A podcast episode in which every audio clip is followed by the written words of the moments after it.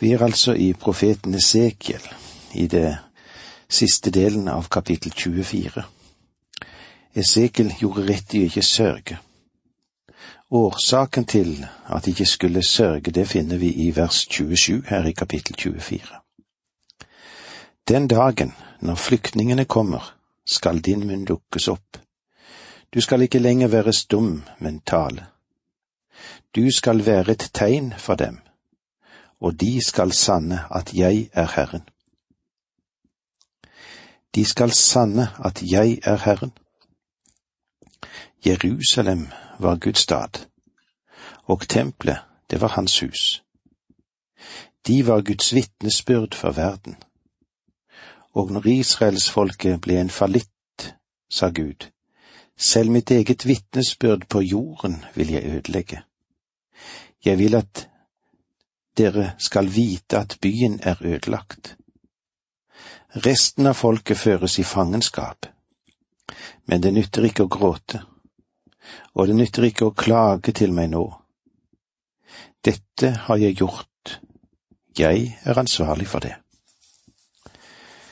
Til hver av menighetene i åpenbaringsboken sa den Herre Jesus, pass på det vitnesbyrdet dere har over verden, hvis ikke kommer jeg og fjerner lysestaken fra den sted. Lysestaken til samtlige av de syv menighetene er blitt flyttet.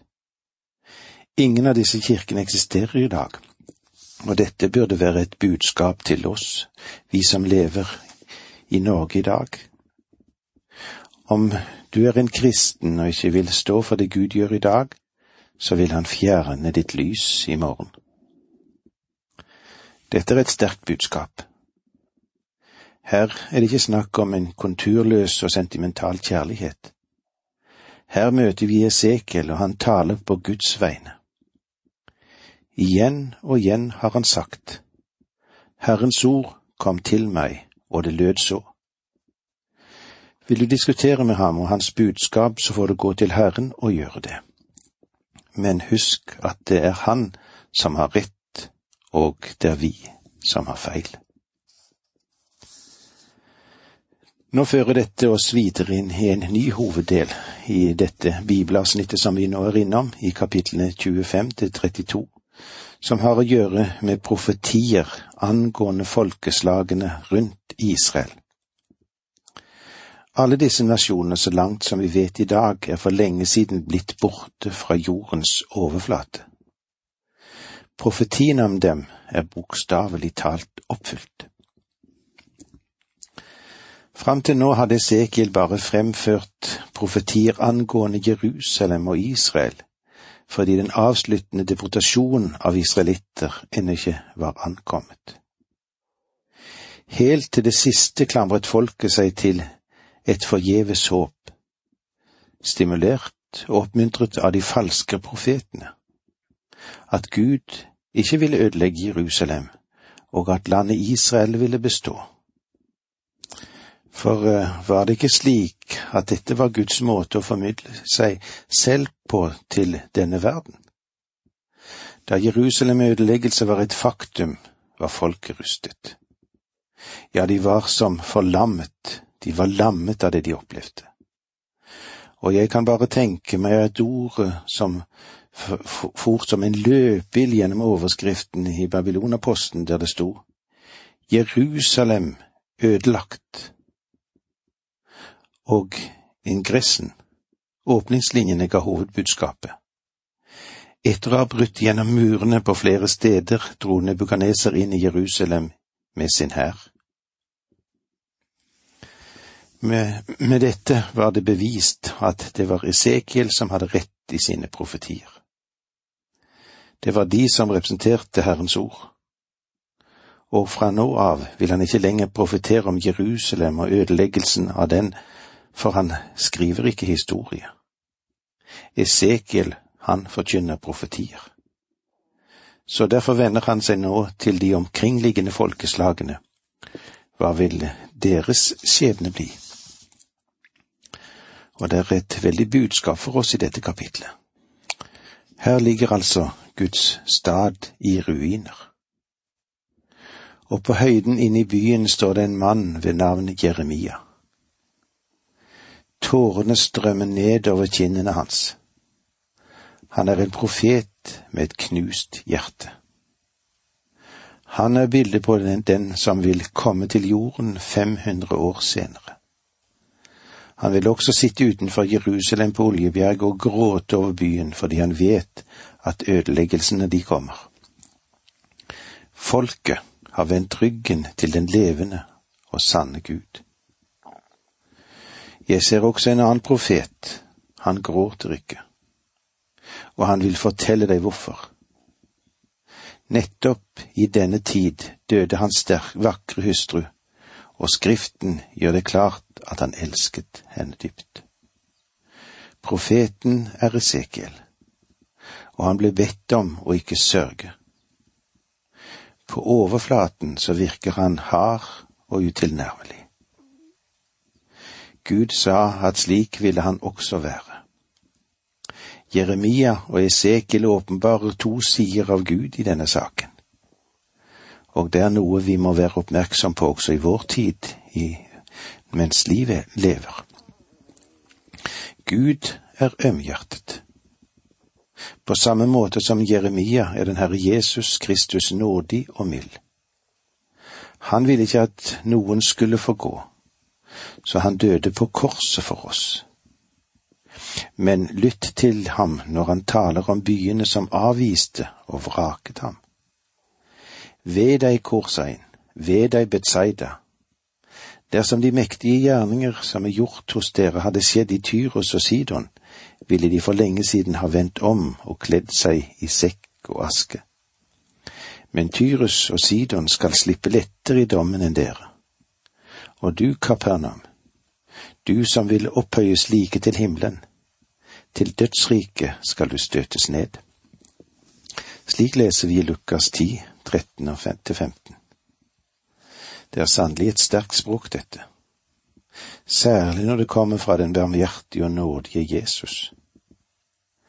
Han sa også, ved dere, dere ligner grave som ikke lenger er synlige, og som folk går på uten å vite det, som det står i Lukas 11, 44.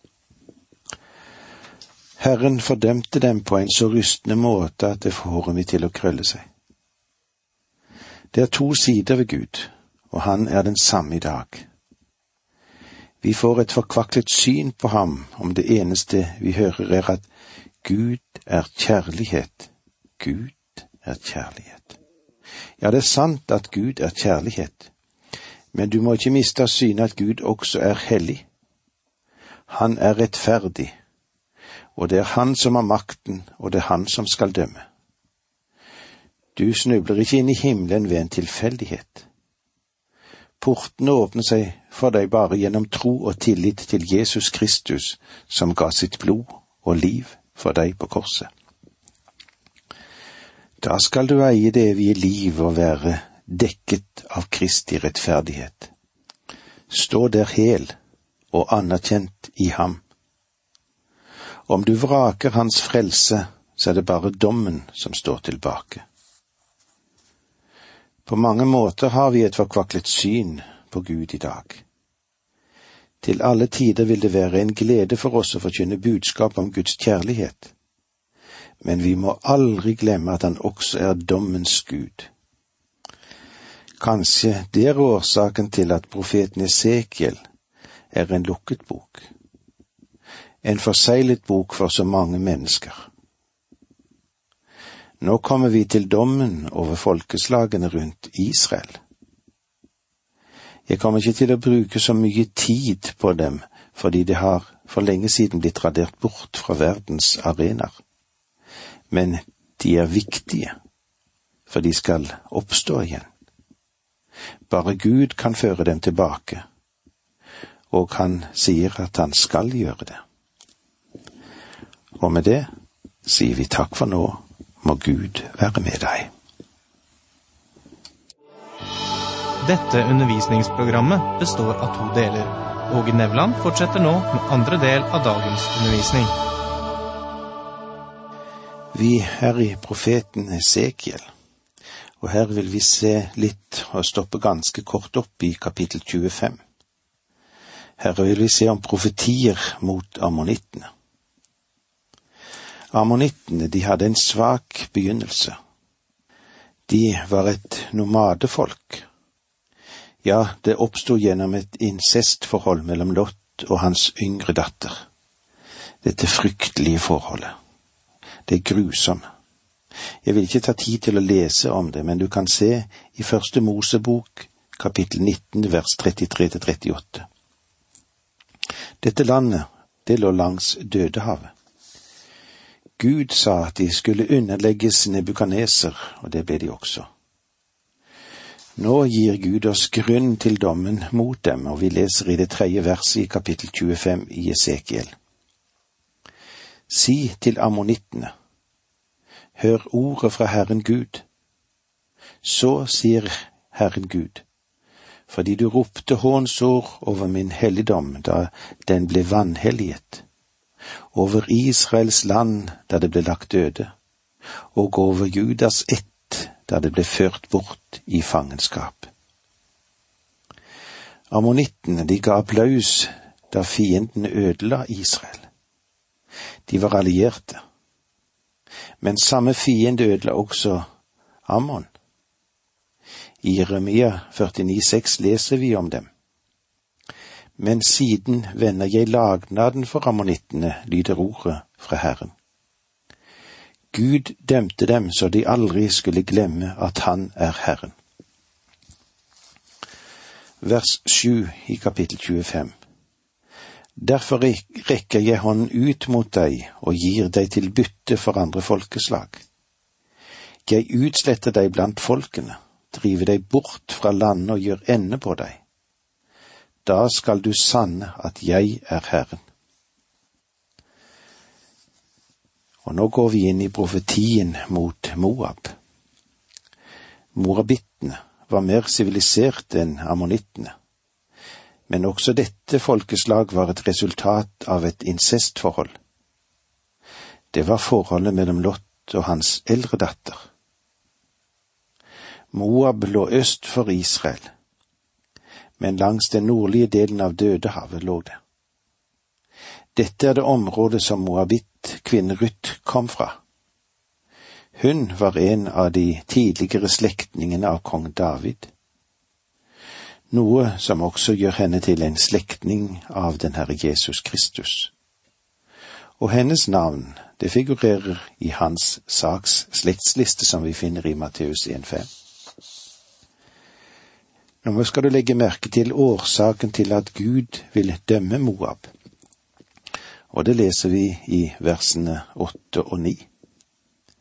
Så sier Herren Gud, Moab og Seir sa, Se, det har gått med Juda som med alle andre folk. Derfor legger jeg Moabs bergskåning åpen så byene der, fra grensen av, går tapt, de byene som er landets pryd.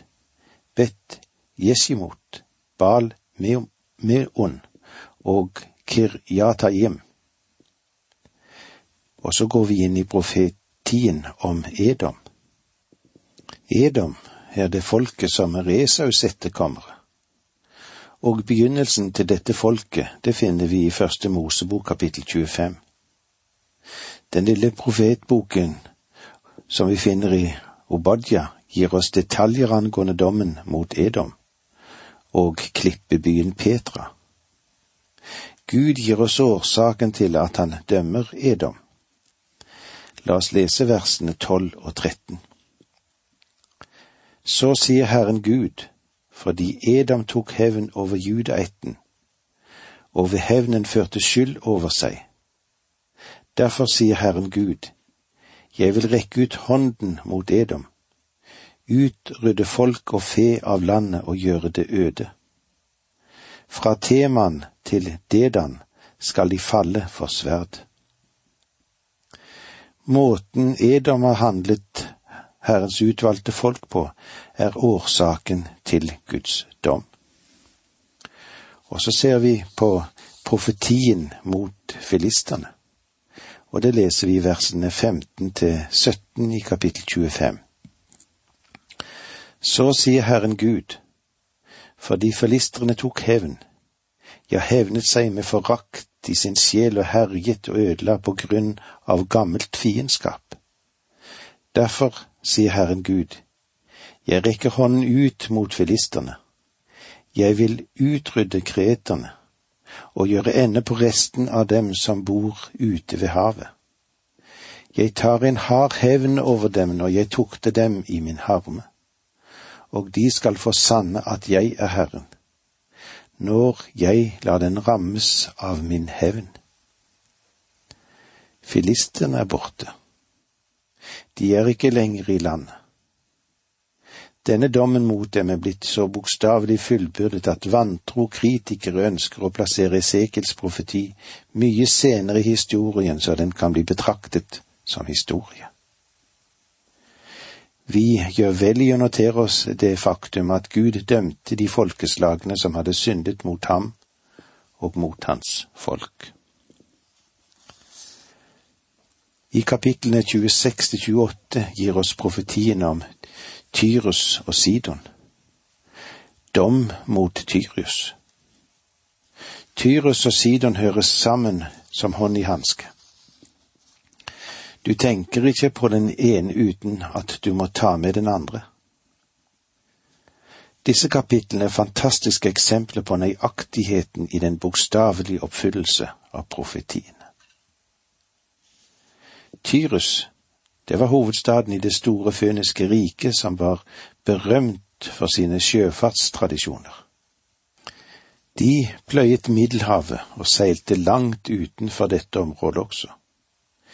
Vi vet at de gikk gjennom Gibraltar og tok seg frem til Storbritannia der de hentet tinn. De opprettet en koloni i Nord-Afrika. Tarsis i Spania var grunnlagt av fønikerne. Det var en stor kolonimakt og rådet over mer land enn historikerne tidligere var kjent med. Tyrus var en stor og stolt by. Hiram, kongen i Tyrus, hadde vært en av, kongen, av kong Davids gode venner, og han hadde forsynt ham med byggematerialer. Salomo og Hiram gikk ikke så godt sammen som David og Hiram hadde gjort det før.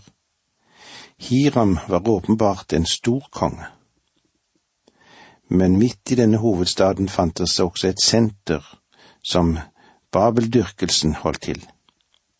Jesabel, datter av en konge og tidligere prest, giftet seg med Akab, kongen i Israel, og introduserte der baldyrkelsen i Nordriket. La oss nå se litt på den veldige profeti Gud gir angående Tyrus og Sidon, og da leser vi de to første versene i kapittel 26. I det ellevte året, på den første dag i den første måneden, kom Herrens ord til meg, og det lød så. Menneske, Tyrus har sagt om Jerusalem, ha-ha, folkenes port er sprengt, nå er det jeg som overtar. Jeg blir rik mens den ligger øde. Tyrus ble ødelagt på samme tid som Jerusalem ble ødelagt. Nebukaneser erobret Tyrus. Vers tre. Derfor sier Herren Gud, Se, jeg kommer imot deg, Tyrus. Jeg fører mange folkeslag mot deg like som havet lar bølgene velte fram. Når Gud sier, Se, jeg kommer imot deg, så kan du være sikker på at han er imot det stedet. På samme måte som bølgene bryter over stranden, så sier Gud at flere folkeslag vil kaste seg over Tyrus, over det store handelssentrum som er ansett for å være så uovervinnelig vers fire. De ødelegger murene omkring Tyrus og river ned tårnene der. Jeg feier bort moljorden i byen og gjør den til et nakent berg. Nebukaneser overvant byen og ødela den, men han skapte den ikke ren. Vers 20, vers 5, kapittel 26. Den skal bli en tørkeplass for garn, der den ligger ute i havet. For jeg har talt, sier Herren Gud, den skal bli et bytte for andre folkeslag. Gud sa at den ville bli redusert til en fiskerlandsby, og ikke være et stort handelssentrum det den en gang var, og slik er det blitt til denne dag. I vers seks leser vi og i datterbyene på fastlandet skal menneskene bli drept med sverd. De skal få sanne at jeg er Herren. Datterbyene er, tror jeg, de koloniområdene som denne byen opprettet. Et slikt område var blant annet opprettet på Kypros. Kypros betyr kobber, og Tyrus fikk mye kobber derfra.